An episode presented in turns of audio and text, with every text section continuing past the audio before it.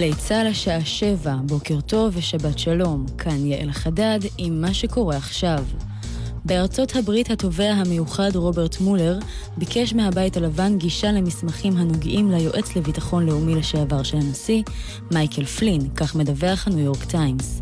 על פי גורמים המעורבים בחקירה, מולר וחוקריו תשאלו עדים כדי לברר האם פלין קיבל בחשאי תשלומים מממשלת טורקיה בשלהי מסע הבחירות לנשיאות ארצות הברית. על אף כי לא מדובר בצו רשמי, זהו המקרה הראשון בו צוות החוקרים של מולר ביקש מהממשל האמריקני למסור לידיו מסמכים.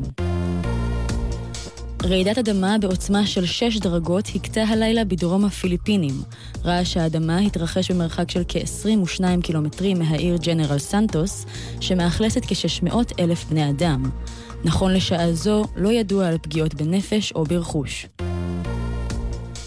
ארצות הברית הודיעה רשמית הלילה על פרישתה מהסכם האקלים. בהצהרה שהגיש משרד החוץ האמריקני לאו"ם הוכרז כי וושינגטון תהיה מוכנה לדון מחדש בתנאי ההסכם אם הם ייטיבו עם ארצות הברית. בהודעה פומבית נכתב כי ארצות הברית תומכת במדיניות אקלים מאוזנת שמפחיתה פליטת מזהמים ובמקביל מקדמת צמיחה כלכלית, דברי משרד החוץ האמריקני. מועצת הביטחון של האו"ם תצביע על עיצומים חדשים נגד קוריאה הצפונית בעקבות שני הניסויים האחרונים שערכה בטילים בליסטיים. ארצות הברית צפויה להגיש היום למועצ... למועצת הביטחון הצעה להטלת עיצומים נוספים, ביניהם חרם סחורות מקוריאה הצפונית. דיפלומט אמריקני אמר לסוכנות הידיעות רויטרס כי ייתכן שרוסיה וסין, שבדרך כלל נמנעות מלגנות את פיונג יאנג, יצביעו בעד המגבלות החדשות. ולסיום, בסין, מזל טוב לפנדה הייזי שהמליטה זוג גורים תאומים בגיל 23 והפכה לפנדה המבוגרת ביותר שהוליד, שהולידה צאצאים. שנת חיים של פנדה שוות ערך לשלוש או ארבע שנים בחיי אדם, כך שגילה של הייזי שווה ל-80 שנות אדם. לפי הודעת המטפלים בשמורת הטבע, שלומם של האם והגורים טוב. מזג האוויר להיום ללא שינוי ניכר, אלה החדשות שעורך עירד עצמון שמייר.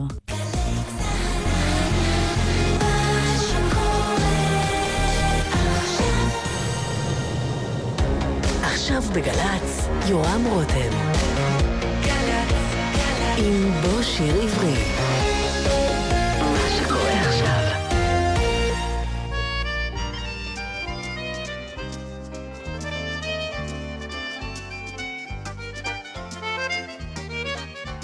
אני והסבתא ישבנו בצוותא ליד מדורה בחצר.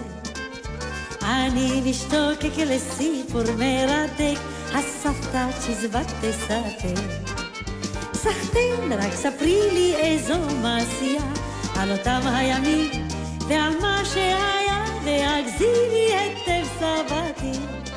איך אומרים בעברית שזבתי? לה לה לה לה לה לה לה לה לה איך אומרים בעברית שזבתי? הסבתא סיפרה איך בנגב שמרה כשהיה עוד שומם ויבש עם סטן ורימון מול צבאות ההמון. היא אמרה נתגבר מלא ספרי לי, ספרי לי איזו מעשייה על אותם הימים ועל מה שהיה והגזירי היטב סבתי. איך אומרים בעברית שזבתי לה לה לה לה לה לה לה לה לה. איך אומרים בעברית שזבתי כשסבתא נזכרת מיד מתפארת כיצד על כולם היא רכבה איך סבא אבנר אחריה חיזר וגילה לה תמיד אהבה. נחמד אך ספרי לי איזו מעשייה על אותם הימים ועל מה שהיה והגזירי היטב סבתי. איך אומרים בעברית שזבתי? לה לה לה לה איך אומרים בעברית שזבתי היכן הימים שעשינו חיים ועידוד מכנסיים קצרים? לנצח כל דור עוד ידע ויזכור כן היו הימים יקרים. סחטן שסיפרת לי את המעשייה על אותם הימים ועל מה שהיה מעט איך אומרים בעברית זה צ'יזבט? לה לה לה לה לה לה לה לה איך אומרים בעברית זה צ'יזבט? שלום לכם, כאן באולפן גל"צ, הטכנאי שחר עמרן, אני יורם רותם, ואנחנו שמחים לארח כאן היום את הפזמונאי, המתרגם וחוקר הזמר העברי דן אלמגור. שלום דן. שלום רב. הזמנתי אותך לכאן היום כי לפני אה, חודשיים בערך הלך לעולמו אבשלום כהן, אה, מלחין, פזמונאי, שגם אה, שר כמה שירים, והוא כתב כמה להיטים גדולים בעשור הראשון של המדינה, אבל אחר כך אה, עבר הברית, ושם הוא חי עד אה, שנפטר. לפני uh, חודשיים. השירים שלו נשארו כאן, אהובים מאוד, אבל אנחנו כמעט ולא יודעים עליו שום דבר. והייתה תחושה ש... כמה מהיוצרים הגדולים שכתבו שירים שבאמת uh, היו להיטים גדולים בשנותיה הראשונות של המדינה, נשכחו, בין היתר בגלל שהם בחרו לחיות בשלב מסוים מעבר לים ולא המשיכו להיות כאן בארץ. אז אתה בטח מכיר את האנשים, היוצרים והאנשים שמאחורי השירים האלה, שנשמע כאן היום, ובטח כן, תוכל... כן. להוסיף קצת פרטים עליהם, לטובת אלה שמכירים אולי את השירים, אבל לא כל כך יודעים מי כתב אותם. נכון, אז אבשלום כהן הוא באמת דוגמה מצוינת. אבשלום כהן כתב כמה מהשירים הידועים ביותר, גם לילדי דור תש"ח וגם להורים ולמבוגרים אז, כי את אה, מה שהרגע שמענו, אני והסבתא, הוא כתב עוד ב-1947, עוד לפני קום המדינה, בזמן מלחמת השחרור, וזה בעצם היה השיר שבזכות יפה ירקוני, כמו רבים משיריו האחרים, התפרסם מאוד, והוא נותן גם אז באופן אירוני קצת, את הדרך שבה ראו את עצמם לוחמי תש"ח. הם היום צעירים, תוססים, יפים, שוש וציפי וכדומה, אבל כשהם רצו להתלוצץ הם אמרו, יבוא היום ועוד נשב אל מול האח, וגם הגב יהיה כפוף כחטוטרת, כמו בשיר הנוסטלגי היו זמנים של חיים חפר ועוד. כלומר, בכלל לא נראה להם מתקבל על הדעת שיום אחד גם הם יגיעו לגיל המופלג, שעליו הם כותבים בחיוך בשירים שלהם. גם היו זמנים, וגם השיר הזה על אני והסבתא. אבל באמת אבשלום אה, כהן, שרק אולי חמישה משיריו ממש מוכרים וזכורים עד היום, כמעט אנחנו לא יודעים דבר על חייו. וכשקראנו לפתע פתאום שהוא נפטר בלאס וגאס, ואחרי שלמעלה מ-60 שנה לא חי כאן בארץ, אה, נזכרתי גם בעוד כמה יוצרים, כותבים, מלחינים, גם פזמונאים אה, ידועים וזמרים, זמרות, שבאמת דווקא בשנה הראשונה לקום המדינה, השנה התוססת הזאת, הסמלית כל כך, חלק מהם אולי התפתו לנסוע לחוץ לארץ, וחלקם גם נשארו שם. היה קשה לעמוד בפיתוי, היהדות העולם, בעיקר יהדות ארצות הברית, כל כך הייתה נרגשת מהקמת המדינה, שהם קלטו ברצון כל זמר וזמרת וצמד וחבורה שיגיעו לשם וישירו לפניהם. גם אה, אבשלום כהן, בן לעדת תימן, שבכלל הוריו אמנם גרו במצרים, והוא הגיע לארץ, גר בכמה מן השכונות הקלאסיות של הימים ההם, והוא, גם, אפילו גם בטבריה, והוא התחיל לכתוב את השירים האלה. למעשה את השירים, הוא לא למד מוזיקה. מספרים שאת השיר עגלה עם סוסה, שאנחנו מיד נשמע, השיר עם עגלה עם סוסה הוא בכלל כתב שישב יום אחד בביתו של קבלן תל אביבי ידוע, נחום קלקה. הוא זה שגם תרם את הגן היפה בתל אביב, ושם אה, על יד מלון הילטון, וגם היה לו עסק גדול. היה שם פסנתר, הוא התחיל לשבת על הפסנתר ולפרוט, וכך יצא לו. הוא כתב גם מילים, גם מנגינה, אחד היחידים. כתב את השיר על עגלה עם סוסה, והוא גם היה לו איזה הוואי שקשור בזה, שכן, הוא היה אז חבר הנוער עובד בקיבוץ דפנה, עבד כעוזר לעגלון, פסנתר בחדר האוכל שתרם נחום קלקה, וכך הוא כתב את השיר שנדמה לי, יחד עם דובון יומבו ועוד, שיפה ירקוני שרה באותם שנים, היה שיר הילדים הידוע ביותר באותה תקופה.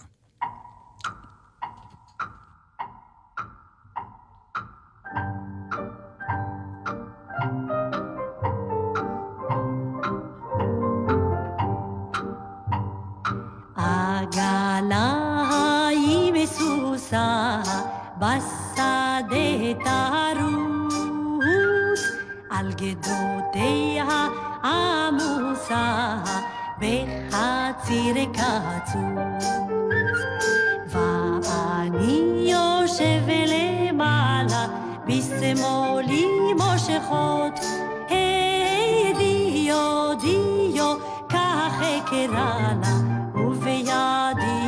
השוט.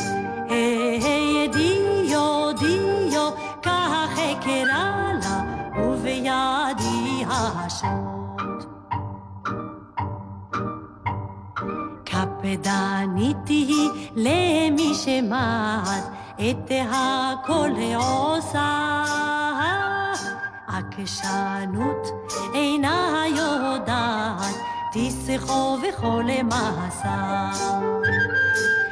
לפנות ערב הסוסה, היא כבר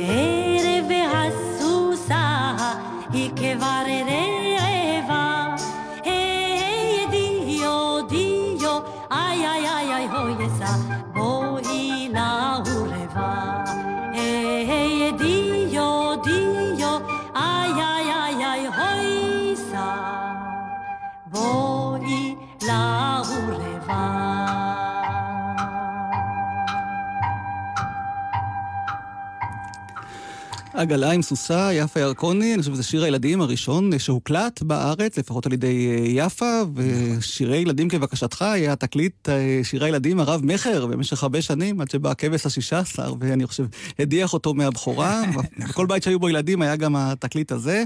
אני זוכר שחווה אלברשטיין כתבה בזיכרונותיה, שכשהיא הייתה עדיין ילדה, במעברה שם בשער עלייה עם הוריה, הרבה זמרים נשלחו כדי להופיע לפני העולים החדשים, וכמעט כולם שרו להם את עגלה עם סוסה, והעולים קיבלו את זה בהתלהבות, את השיר הזה, הם לא הבינו אף מילה חוץ מאת המילה הויסה, שאת זה הם יכלו לשיר יחד איתם. וכאן יש באמת איזה סיפור אירוני, כי גם אבשלום כהן, אני לא חושב שידע, שהמילה הויסה מופיעה בעצם בשיר הרומני, שממנו גנבנו אנחנו את המנגינה להתקווה.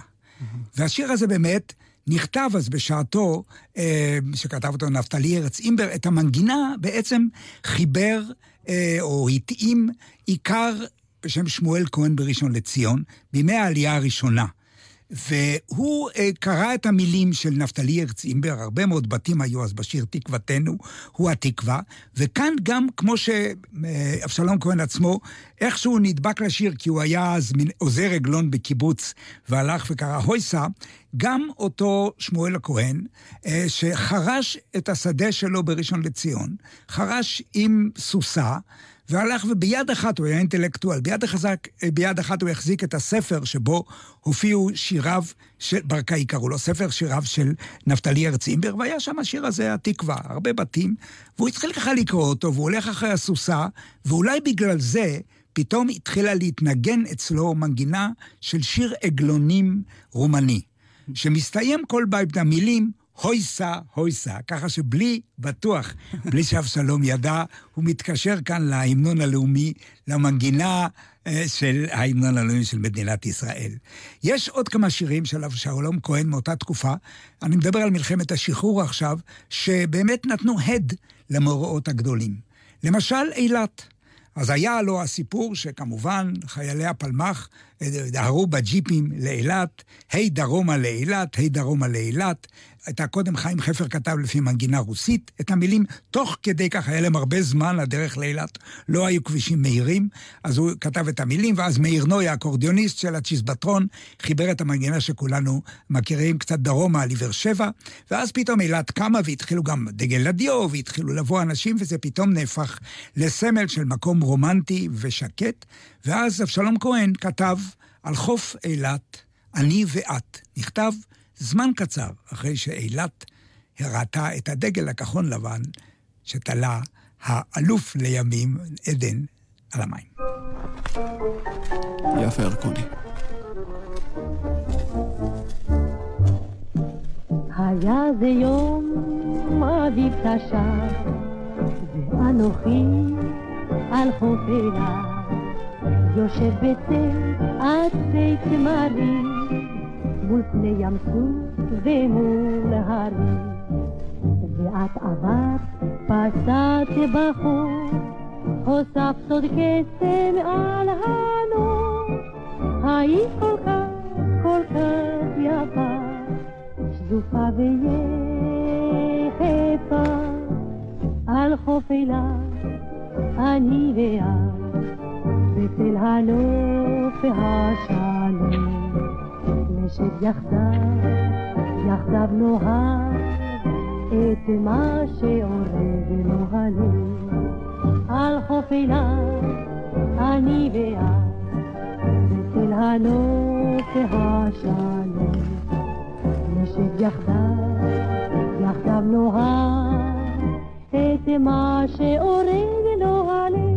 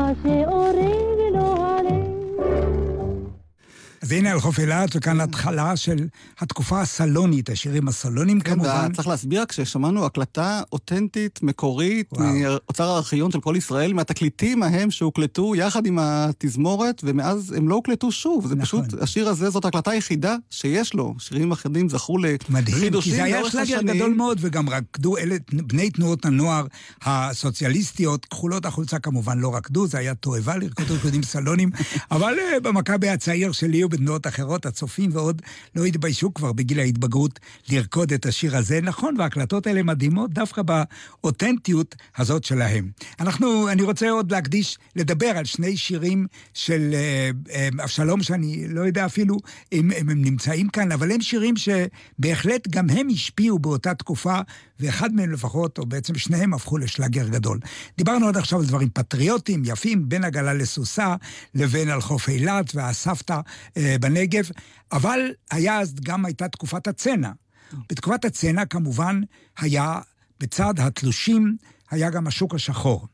ואבשלום ישב וכתב שיר חביב מאוד, אחד, אני חושב, השיר הסאטירי הראשון, שדיבר על הימים ההם של השוק השחור, של התלושים, היי בואו, בואו, בואו הנה, אצלנו לא יודעים מה זה צנע, ויש את ההקלטה של זה? ישראל יצחקי. ישראל יצחקי שהתיידד עם אבשלום, וגם אחר כך עוד שיר אחד שנשמע אחרי זה, הם יחד היו, חברו אליו, שר את השיר הזה, שהיה בעצם השיר ה... על, על יד פלפל אל-מסרי ששר, וכאן בגלי צה"ל השמיעו את זה בתשלומים, בתשלומים, mm-hmm. בתשלומים. השיר הזה היה באמת ה... כאילו ההמנון האירוני של ימי הצנע והשוק השחור.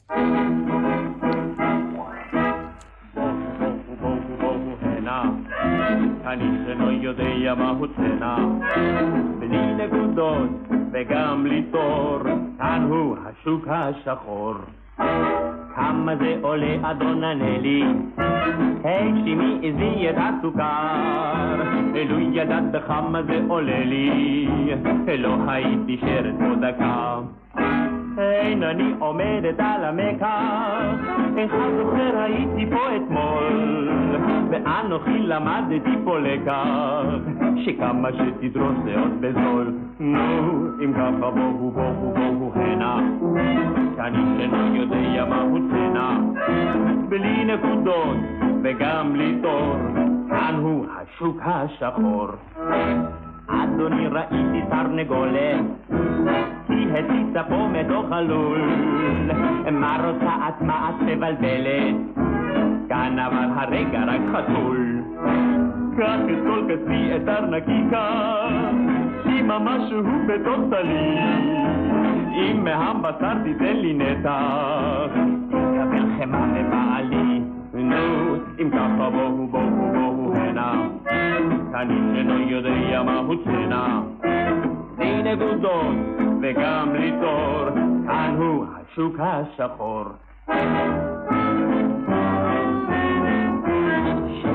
אני שמעתי רעש, מתקרבת הנה משטרה. אוי לכם אם רק תוציאו לחש, לא תהיה לכם יותר סחורה. אל תדאג, הכל יהיה בסדר, גורל כולנו הוא כגורלך. ואם המשטרה תבוא לחדר, אנחנו נתחבא במחסנך.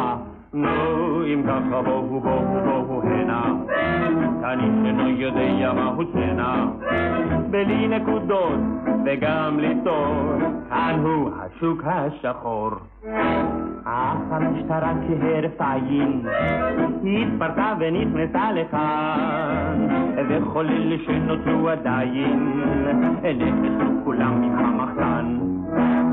אוי, נתפסתי מה אעשה אצילו, ודאי אותי ייקחו למעצר. המשטרה את סחורתי אפילו לקחה ולא הותירה שום דבר. נו, אם ככה אל נא אל תבואו הנה, כי אין לי שוק שחור ואין לי צנע. אין לי סחורה ואין לי תור, אין לי כבר שוק שחור. השוק השחור, הקלטה המקורית של השיר כן, הזה. כן, מדהים, היום, היום באמת יש לנו סקופים אחד-אחד, יורם, אתה גילית את השירים האלה, ובאמת, כמו שהזכרתי קודם, החברות עם ישראל יצחקי אז הניבה לפחות עוד שיר אחד, שבעצם אבשלום כהן היה היוזם שלו, כתב את הגרסה הראשונה, ואחר כך גם ישראל הוסיף משלו. אה, יפו, אז הייתה מקום המשיכה הגדול לילדי לא רק המרכז, אלא כל הארץ, כי פה היה הלונה פארק. הלונה פארק הראשון, גלגל ענק, שהיום אולי לא נחשב כל כך ענק, אבל אז וכולם באו, ואז כתב אבשלום כהן שיר על הלונה פארק, שישראל יצחקי שר אותו, ואחר כך ישראל יצחקי פיתח את השיר, ואנחנו כולנו מכירים היום כמובן את השיר "אבאלה, בוא ללונה פארק", ששניהם היו שותפים בו.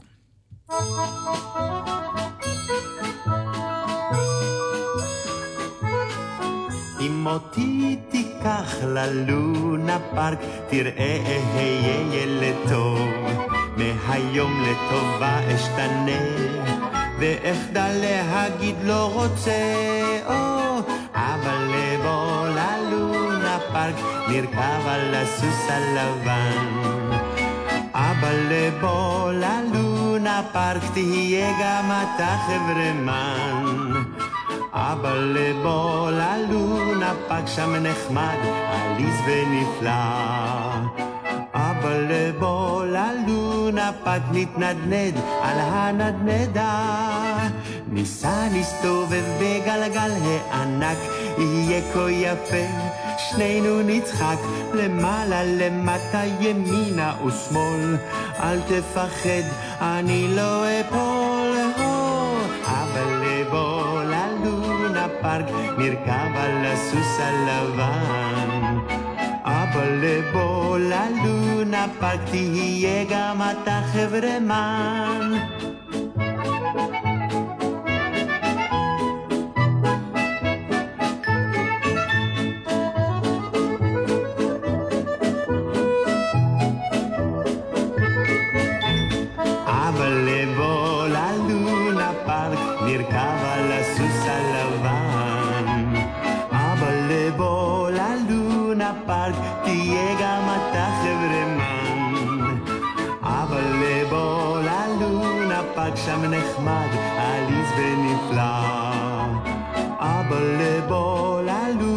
פארק נתנדנד על הנדנדה. ניסע נסתובב בגלגל הענק, יהיה כה יפה, שנינו נצחק, למעלה למטה ימינה ושמאל, אל תפחד, אני לא אפול. אבל לבוא ללונה פארק, נרכב על הסוס הלבן. אבל לבוא פארק תהיה גם אתה חברמן. או, אבל לבוא, אבל לבוא ללונה פארק. אבא לאבולה לונה פארק, ישראל יצחקי. דיברנו עליו שלום אה, כהן, זיכרונו לברכה. הזכרת שהוא אה, ממשפחה עם שורשים תימניים, הגיע לארץ ממצרים, אבל כל הצד המזרחי הזה, שהיום כל כך מחפשים את השורשים, כולם במזרח, אה, בכלל לא בא לי אצלו לידי ביטוי, לפחות לא נכון, במה ספק שאנחנו אם ישמיעו שמענו. אותו בפסטיבל אשדוד, ששם משפיעים רק מוזיקה מזרחית. נכון, זה באמת מוזר, כי הלוא רוב השירים התימניים הגדולים של שנות ה-20, ה-30, ה-40, ה-50 ואילך, כתבו אשכנזים. כן. אם זה היה אלתרמן, ואם זה היה וילנסקי, ואם זה היה פרשקו וכדומה. והנה יש לנו כאן בן שורשי של העדה התימנית, שחי גם בשכונות בני תימן בתל אביב, והוא, משום מה, אתה לא מוצא אצלו את הדברים האלה, אולי מפני שהוא הניח את העבודה לאשכנזים, והוא דווקא רצה לכתוב מוזיקה בת הזמן הזה שישנה כל הזמן. אבל מה שבאמת קרה איתו עם אבשלום, בשנת 1955, וזה קרה עם רבים, ולכן העשור הראשון של המדינה, ככה עד שנת העשור, אופייני לגורלם, וגם קצת גורלנו של הרבה זמרים טובים, שבאותה תקופה, בגלל גלי האהבה הגדולים והסקרנות וההתלהבות בתפוצות ישראל השונות, נחטפו להופעות שם, וחלקם כמובן פונקו די יפה, וחלקם במקום כל מיני חלטורות בארץ, בהחלט לפתע פתאום מצאו את עצמם מסודרים בעבודה, וזה גם מה שקרה בשנת 1955, כשאבשלום הופיע באיזה כנס של ההסתדרות הציונית, שם היה נשיא ההסתדרות, המיליארדר ג'ק טורצ'ינר, והוא שמע אותו ואמר, אתה יודע מה, בוא אלינו לארצות הברית ותשאיר שם, ב-1955. היו פה ושם כבר כמה זמרים שהגיעו לתקופה קצרה או ארוכה לארצות הברית, אבל נדמה לי שהוא היה בן תימן הראשון, עוד לפני אולי שושנה דמארי, חנה אהרוני ואחרות. ואז הוא נסע, ושם הקים משפחה. ושם חי לא פחות ולא יותר בלאס וגאס. היה מורה, כתב גם יצירות, אה, קנטטות יפות לבתי הכנסת שם, לימד כמורה ואחר כך גם כמוזיקאי, אבל הוא לא חזר אלינו מאז, ורק עכשיו, לפני, כאמור, כמו שאמרת, כמה חודשים, קראנו על פטירתו בגיל 89. זו אבדה גדולה, כי אני חושב שאם הוא היה איתנו, אפילו בא לפעמים לביקורים, פעם אחת נדמה לי הביאו אותו יפה לאיזה אה, מופע קטן שהיה כאן, אבל אה, הוא בהחלט, גם אנחנו היינו נזכרים וגם הוא היה נזכר. אז התופעה הזאת של שנת העשור הראשון למדינה, הרבה מאוד חגיגות, התלהבות בכל הקהילות היהודיות בעולם, הוא גם במידה רבה עלה לנו בכך שחלק מהזמרים, היוצרים והכותבים עזבו אותנו באותה שנה, אמרו ליום, יומיים, שנה, שנתיים, ונשארו גם שם. הזכרת את שמואל פרשקו, שבאמת כן. היה מלחין, מוזיקאי, כן. פסנתרן, שכתב רבים משירי הפלמ"ח, פשוט תראה, שירים שמואל שאתה לא יכול פרשקו להאמין זה שהוא... גם באמת, עוד פעם, מאותה תופעה, וזה פשוט ממש מדהים. שמואל פרשקו, יליד כמובן פולין, עלה לארץ ב-1937, עוד לפני מלחמת העולם השנייה, והוא היה מוזיקאי, הוא היה איש שובב עם הומור.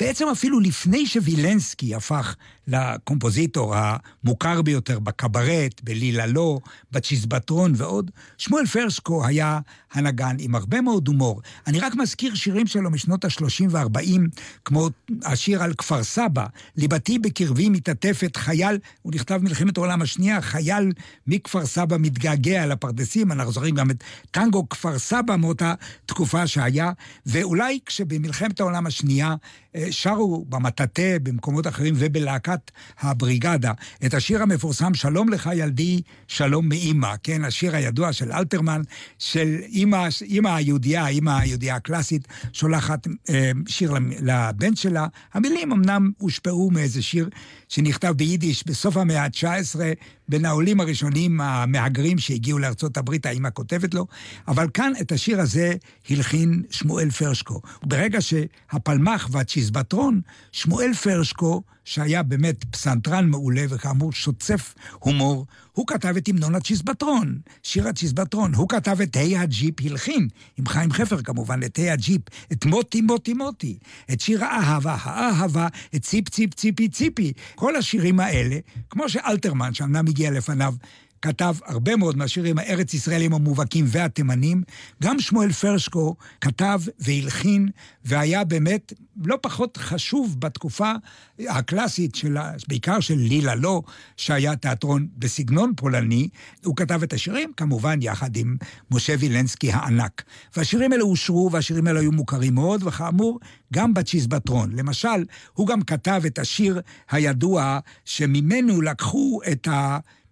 גם חיים חפר וגם חיים גורי לקחו את המילים לרבותיי, ההיסטוריה חוזרת. גם זה על פי שיר שהוא כתב למטאטא. אז הלוא לא היה זמן, כסף וזמן ורצ...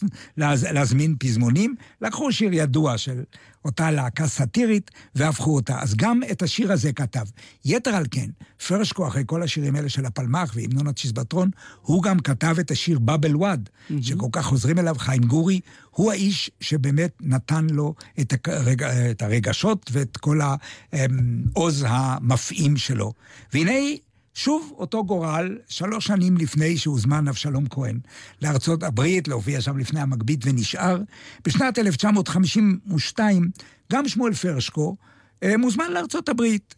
להופיע, הזמר היהודי פתח שם מועדון קטן סברה בניו יורק, והזמין אומנים, אומנים רבים גם אחר כך באו אליו. שמואל פרשקו בא לשם, והוא אה, נשאר שם. וכל השנים האלה הוא היה מנגן בפלורידה, במקומות, בבתי אבות של יהודים, אבל הוא לא חזר פעם אחת ויחידה. החזירה אותו שוב, יפה ירגוני, שהייתה תמיד מחזירה את פזורי ישראל, לפחות להופעה אחת, במרתף העליון של בית לסין, היה ערב לכבודו של פרשקו, אבל גם הוא הקים שם משפחה, הוא נפטר ב-1990, ו... אה, הוא באמת אבדה גדולה לנו, כי אם הוא היה נשאר בארץ כל עשרות השנים האלה, אין לי ספק שאוצר הזמר העברי היה מעשיר ומתעשר מאוד. אז מה נשמע כרגע? מה יש לך? שיר ב... געגועים. שיר געגועים לכפר סבא. תחשבו על זה, חייל, חייל ארץ ישראלי, עדיין לא קראו לזה הבריגדה, בחטיבה הארץ ישראלית, משרת אי שם במדבר המערבי או במקום אחר ומתגעגע, כמו שבשיר על, uh, כמובן, הטנגו כפר סבא, הוא מתגעגע לרפת, מתגעגע לפרדסים, ו... שר שיר אהבה לכפר סבא. בטוח שגם פרשקו התגעגע משם. משם. הרבה שנים אחר כך.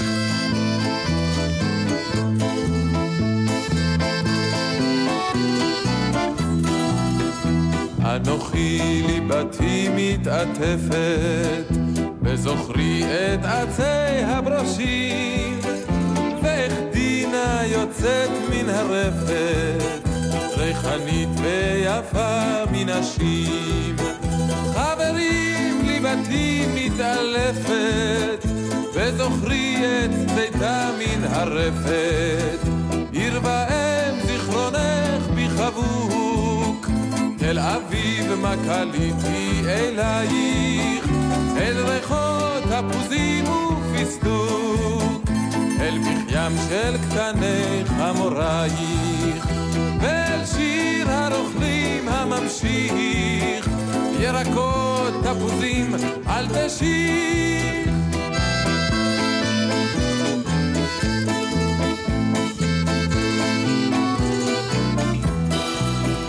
יש ניו יורק בעולם, לא אגע בה, לא על ניצה אחלום לא בלילי. אוי נפשי רק אלייך כפר סבא. רק אלייך כפר סבא שלי. אוי איזה שיגעון עם אהבה, בי הנפש יוצאת לכפר סבא. תל אביב ים גגות ושמיים וקריאות מתקן נעליים ושיחת הקיבוץ וויכוח אוי וקומביץ מובטח ובטוח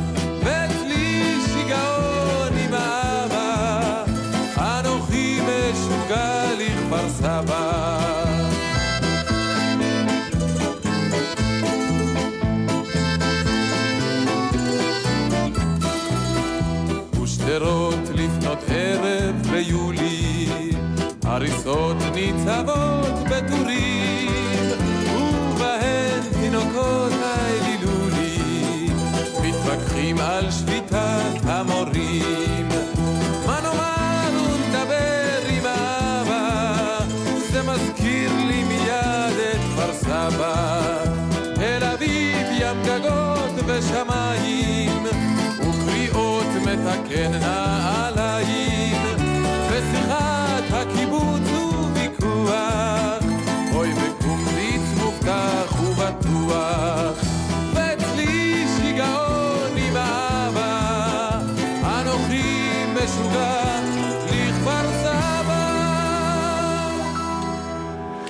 כמה אירוני לחשוב על כן. זה שהוא יושב שם כל כך הרבה שנים במיאמי ביץ', ושם הוא גם אה, נפטר, וחולם, או לפחות נזכר בשיר הנחמד הזה של אלתרמן, שכמובן הוא היפך. אז בואו נשמע עוד אה, שיר של אה, אלתרמן, ששמואל פרשקו הלחין, שיר השיכור. נכון. ומי ששר ה- את זה זה מתתיהו רוזין, שגם הוא היה כן. כוכב גדול. הנה, וגם מתתיהו רוזין, אנחנו לא נשכח אותו. מה שבאמת קרה כאן, שוב, בהתחלה הלהקות הסאטיריות, או הקברטים, שנקראו אז הראשונים בתל אביב, אחד היה ב-1927, הקומקום של אביגדור המאירי, שדווקא הגיע מהונגריה, וזה היה קצת בסגנון אה, אוסטרו-הונגרי, אבל, ואחרי זה מר- מרדכי זעירה הקים איזה קברט קטן וכדומה, אבל המטאטא קם, וכקברט ממש, לילה לא, שקם דווקא בשנות ה-40, במקום קטן, בקומה שנייה, בסמטת בית השואבה בתל אביב. כל הקברטים האלה, שהיום אנחנו כל כך מתרפקים על, על זיכרונותיהם, בכל אחד כזה הציגו הצגה 20-30 פעם, באולם ישבו 50 איש, זאת אומרת 100, 200, 300 איש ראו כל הצגה. זאת גם הייתה הסיבה שאלתרמן המסכן ווילנסקי ופרשקו היו צריכים כל חודשיים לכתוב תוכנית שלמה חדשה. לנו זה נפלא, כי הם כתבו לנו מאות פזמונים יפים, אבל באמת הקהל היה מצומצם מאוד. אבל זה נחשב אז כאילו לעיני, בעיני התל אביבים להיות חלק מאירופה.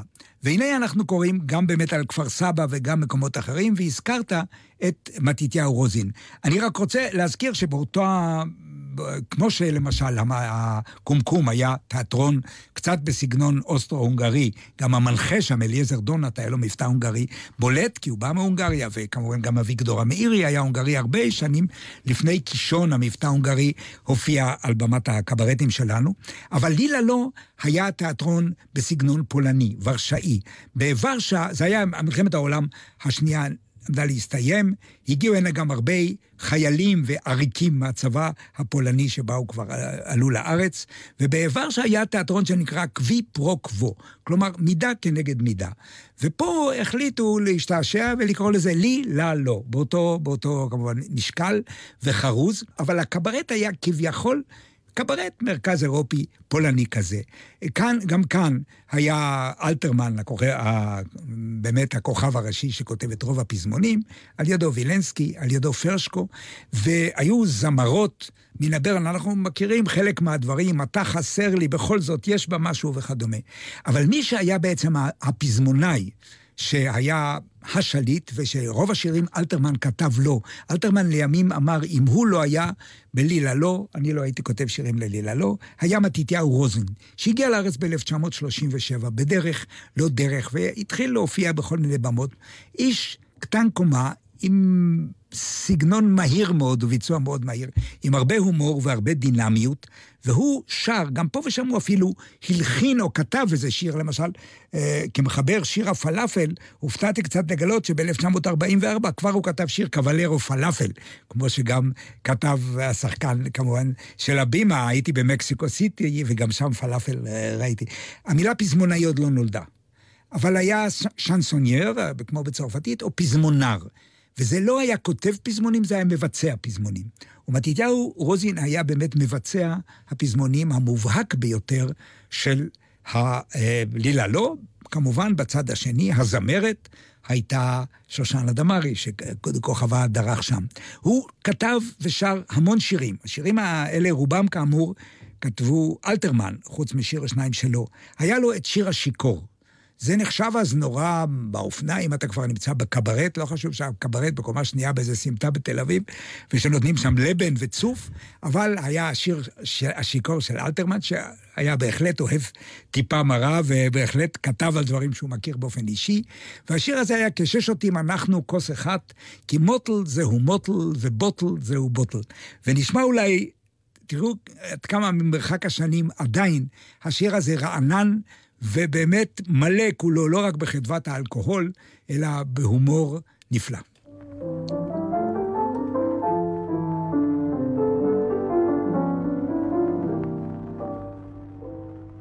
קצת משקה רבותיי, אין טוב מזה. קצת משקה זה אף פעם לא מפריע. יש בני אדם שמשתכרים מזה, אבל עליי מוזר. זה לא משפיע. לשתות צריך לדעת, יא חביב, וזה יודעים אני ומוטל זיו. כששותים אנחנו כוס אחד, קורא לי מוטל חברמן מיד. וכששותים אנחנו כוסותיים, נושק אני את מוטל בלחיים.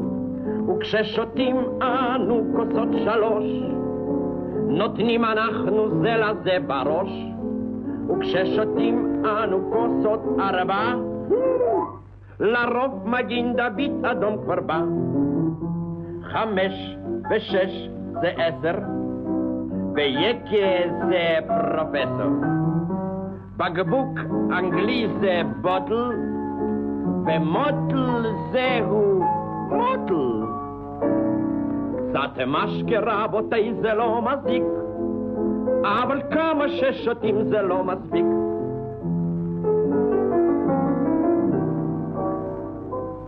בין בחורות אני בחור ביישן, ממש נו בלי לשון ובלי רגליים.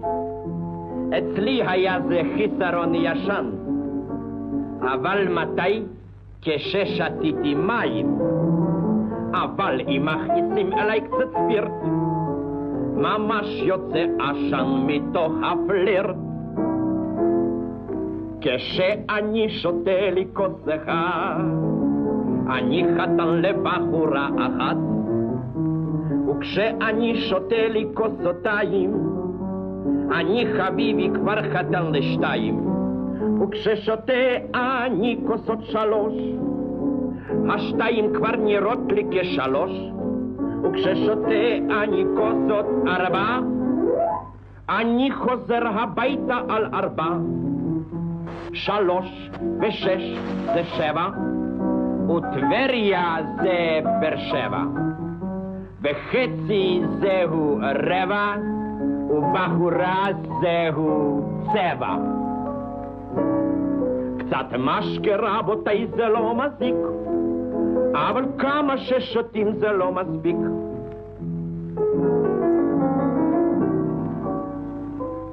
הביתה את עצמי אני מזיז, וזוגתי לי מכינה סורפריזה, לפגוש אותה זה לא כל כך עליז, אוי אף על פי שהיא נקראת עליזה, נהיה לי מזופת, שותה אני עם מוטל כוס אחד. וכששותים אנחנו כוס אחד, אומר אני אוי מוטל לא יכבד. במוטל ונשתה עוד כוסותיים, אני אשוב הביתה מחרתיים. וכששותים אנו כוסות שלוש, האופטימיזם לי מכה בראש. וכששותים אנו כוסות ארבע, גם זוגתי נראית לי כבובה.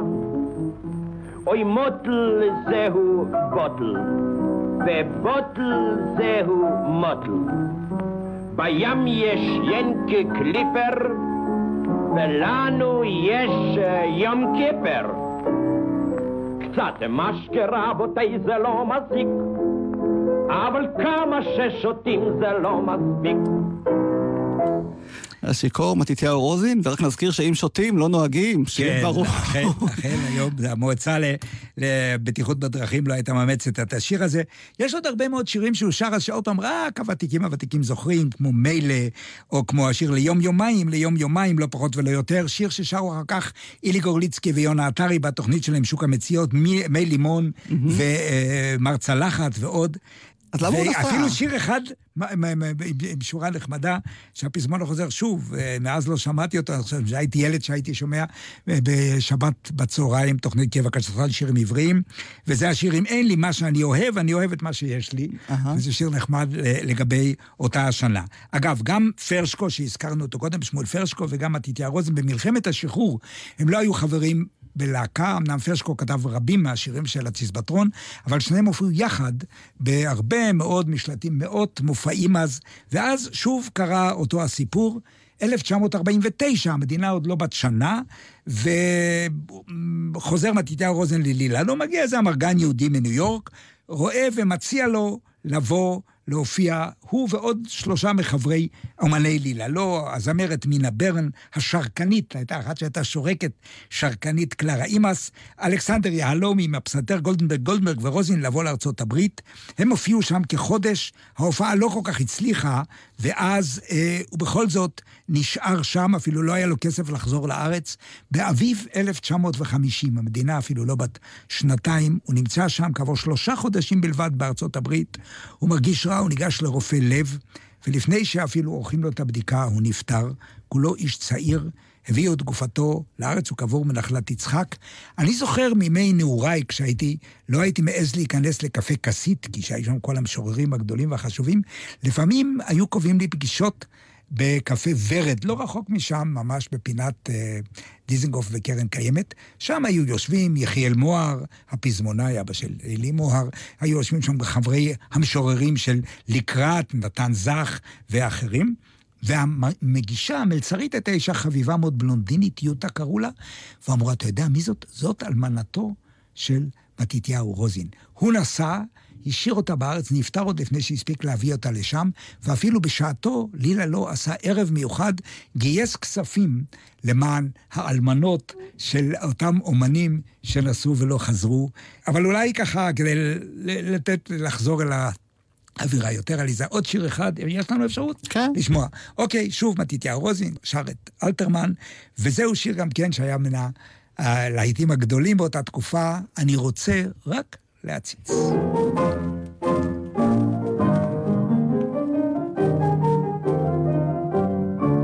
אני בחור שונא סקנדלים, פוי זה זפת, אך אם דייר על ראש דייר משליך הציץ, או שני שכנים מכים שלישי על הקרקפת, זה מעניין אותי לגשת להציץ. בציבורנו גם באושר גם בעוני, יש תופעות שבו הצצתי בפרטות. זה מעניין אותי באופן פרינציפיוני, מן הבחינה הנעלה של חזירות. וכשעסקן לוקח שוחד שמונים ליים, אני ניגש בכל מתוק מיני עסיס. אומר ירשה לי אדוני לרגע שניים, רק להציץ איך הוא מכניס את זה לכיס. אני רוצה רק להציץ, רק להציץ, ולא יותר. אני אינני מתערב, אני לא רב ולא שוטר. זה מעניין אותי באופן תיאורטי, שאדוני הוא כנראה עסקן לא פטי. זה מעניין אותי באופן פרינציפיוני, באיזה חן כבודו לוקח את המוני, אני רוצה רק להציץ, רק להציץ, ולא יותר. אני מרגיש אם כך או כך, אוי להציץ, אני מוכרח. בין מנהיגינו משתנה מצב הרוח, מטוב לרע וכן להפך בהקיץ. וזה מפני שספר העתיד פתוח, אבל בספר לא מרשים עוד להציץ. לכן ישנו בחישק רף על זה הרקע, כשאיפה כזאת מוזרת ומשונה. לקום לקום פוליטקיה לו רק לרגע. בעוד מאה, מאתיים, שלוש מאות שנה. ובזו הארץ הגדולה והפורחת, בתל אביב הכבירה וההומה. לי יצעקו שוטרים לישון לשד משחת, ואנוכי אז אתחננה בדמעה. אני רוצה רק להציץ, רק להציץ, ולא יותר. אני בשקט אעבור, לא אתערי, לא אדבר, זה מעניין אותי באופן תיאורטי, שפסימיסט הייתי קצת ונתבדיתי, זה מעניין אותי באופן פרינציפיוני, לראות בארץ יהודים אבל מיליונים, אני רוצה רק להציץ, רק להציץ. ולא יותר. אני מרגיש אם כך או כך, אוי להציץ, אני מוכרח. אני רוצה רק להציץ, מתתיהו רוזין, ואנחנו באמת רק הצצנו היום לכל הכוכבים הגדולים והיוצרים הנהדרים שכתבו כאן שירים כל כך יפים ומוצלחים, ואיכשהו החליטו לעבור ולגור אה, מעבר לים, בעיקר בארצות הברית. יש הרבה שמות נוספים שלהם אולי נקדיש תוכנית אחרת, דן, אבל הזכרת את הפלאפל של מתתיהו רוזין, אז גם אתה כתבת את שיר הפלאפל יחד עם משה וילנסקי, ומי ששר את הלהיט הגדול הזה זו רביעיית איילון, שגם היא בשלב מסוים החליטה אה, לעבור ולנסות את מזלה בארצות הברית, לא? הם הופיעו פה בהצגה ציונית מאוד, לתורמים מארצות הברית או מארצות אחרות, והתורמים, ראשי הארגונים אמרו להם, בואו אלינו, הקהל שלנו צמא, צמא לראות את הצברים, את הישראלים, והם נסעו לשם וכך באופן ממש אירוני, דווקא כל הכנסים הגדולים, הציוניים וכדומה, הפלקטים האלה, גרמו לכך שרבים מהם נשארו שם, וגם להקת איילון, שבשעתו, אני כמי שהשתחרר מהצבא בתחילת שנות ה-50, זכיתי עוד לכתוב להם כמה שירים, כמו רומיה ויואל, ו- וכמובן שיר הפלאפל, שמוכר לכולנו, ועוד שירים רבים אחרים. הם שרו את השירים, הופיעו פה בכל מיני חלטורות, במלחמת השחרורים היו חלק מלהקת איילון, כמו שהיה להקת אלכסנדרוני, והייתה להקת כמובן, הלהקה הגדולה של הצ'יזבטרון והחישטרון של uh, גבעתי. הם הופיעו, ואז הם נסעו לארצות הברית להופיע בחגיגות של שנות החמישים, וקנו דירה והסתדרו. פה ושם באו לביקור קטן, אבל הם נשארו. היה לך איזשהו קשר איתם במהלך כן, השנים? כן, אני, דיברתם? אני פגשתי אותם כשהם הגיעו לראשונה, אני אז הייתי סטודנט בלוס אנג'לס בשנות ה-60, והם צלצלו אליי ואמרו, דן, אנחנו מגיעים עכשיו ללוס אנג'לס, היינו נורא רוצים שתיקח אותנו לדיסנילנד, כי הם לא ידעו איך מגיעים לדיסנילנד, והם באו להופיע בלאס וגאס, והם היו הרבה שנים הופיעו בלאס וגאס, אבל בעצם בכל, הם גרו רובם בניו יורק והופיעו שם, ואני קיבלתי אותם בשדה התעופה ולקחתי אותם ו... הייתה לי הזכות לארח בתור ותיק בלוס אנג'לס, לקחת אותם לד, לדיסנילנד, ובאמת אחרי זה היינו בקשר, פה ושם הם התכתבו. איתן לב, שהחליף את חיים פולני, היה יחד איתי בגדנ"ע באותם ימים, הוא היה חבר להקת הגדנ"ע, שאני כתבתי לה את המחזמר הראשון שלהם ושלי, סמוך על הדודה, הוא היה אחד השחקנים שם, וככה שבאמת מבחינה זאת הם המשיכו לשיר את שיר הפעם, הם שרו אגב, חלק גדול מהשירים תרגמו לאנגלית, אבל אה, הם באמת עשו חיל, שלחו דרישות שלום, פה ושם באו לביקור. בואו נשמע את להקת איילון. גדמן נפטר לפני כחמש שנים, שם הם, כל האחרים עדיין בועטים. בואי נשמע את להקת איילון. נסגור מעגל ונגיד שהשיר בביצוע שלהם מהווה כאן רקע לג'ינגל. יש כאן תוכנית על הפלאפלים. כן. של צה"ל. אז כן. משמיעים אותם בג'ינגל, ידעתי אפילו. בביצוע. המקורי, עם השיר כן. שאתה כתבת יחד עם משה וילנסקי, נכון. ונודה לך, דן אלמגור, על הידע המאלף, ששוב שיתפת אותנו בחלק ממה שאתה יודע. ומכיר, היה מרתק כמו תמיד. שחר עמרן, טכנאי השידור, אני יורם רותם, נתראה בתוכנית הבאה, דן. תודה, היה כיף.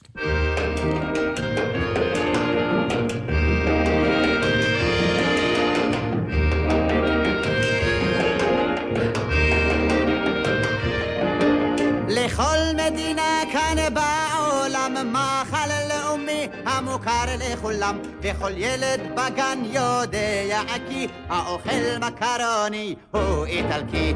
לאוסטרים בווינה שניצל טעים והצרפתים אוכלים צפרדעים הסינים אוכלים אורז דקה ורזה הקניבלים אוכלים. זה את זה ולנו יש פלאבל פלאבל פלאבל לאבא מתנה גם אמא כאן קונה לסבתא הזקנה נקנה חצי מנה וגם החותנת היום תקבל פלאבל פלאבל עם הרבה הרבה הרבה פלפל.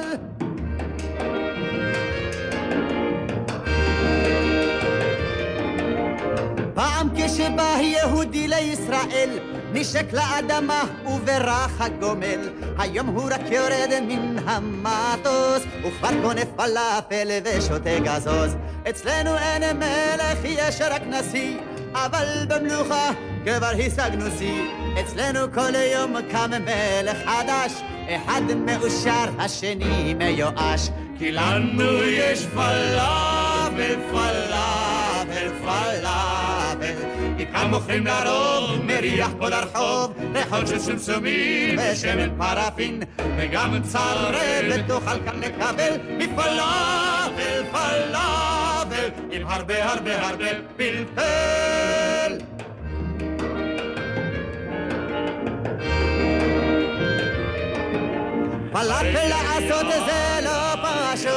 פלאפל לעשות זאת אומנות, ויכול להבחין כל בן תימן בין פלאפל של חובב או של אמן. המצחיק ביותר הוא וואלה אל-עזים, פלאפל עשוי בידי אשכנזים, ופלאפל כזה תמיד תרגיש, בטעם מוזר של גפילטה פיש. רק לנו יש פלאפל, פלאפל, פלאפל. לאבא מתנה, גם אמא כאן קונה, לסבתא הזקנה נקנה חצי מנה, כי זה המאכל הלאומי של ישראל, פלאפל, פלאפל, עם הרבה הרבה הרבה, עם הרבה הרבה הרבה, עם הרבה הרבה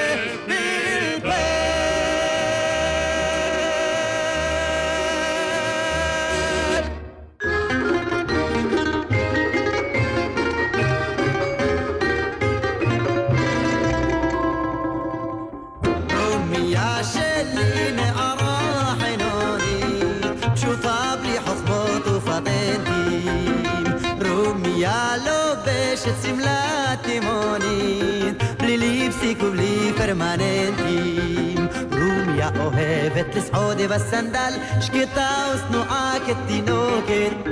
לרומיה שלי אין גרביים קריסטל ואין ברזלים בתסרוקת אך כל בני הכפר וטובלים חלומם כי יש לה עיניים תמם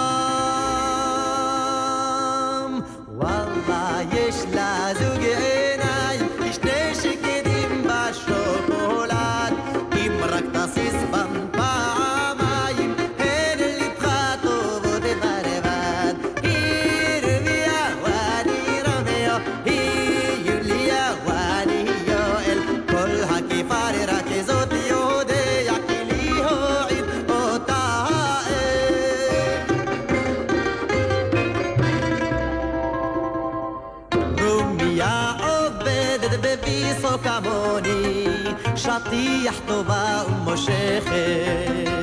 ואני שם סתם רק רוגע כמוני, אך היא על כל ויסו מולכת. ופעם הרגשתי חוטים לנפשי, נטועים מהנול שמנגד. ופתח הרגשתי מתחיל פטישי לרקוע בנפש חורגת. יא ריבון הסמקתי כולי מהומם, אך יש לה עיניים תמם. וואלה יש לה זוג עיניים כשני שקדים בשוקולד אם רק תסיס בם פעמיים הן ליבך טובות בלבד ירמיה ואני רמיה אתם עם גל"צ, הורידו את יישומון גל"צ וגלגלצ.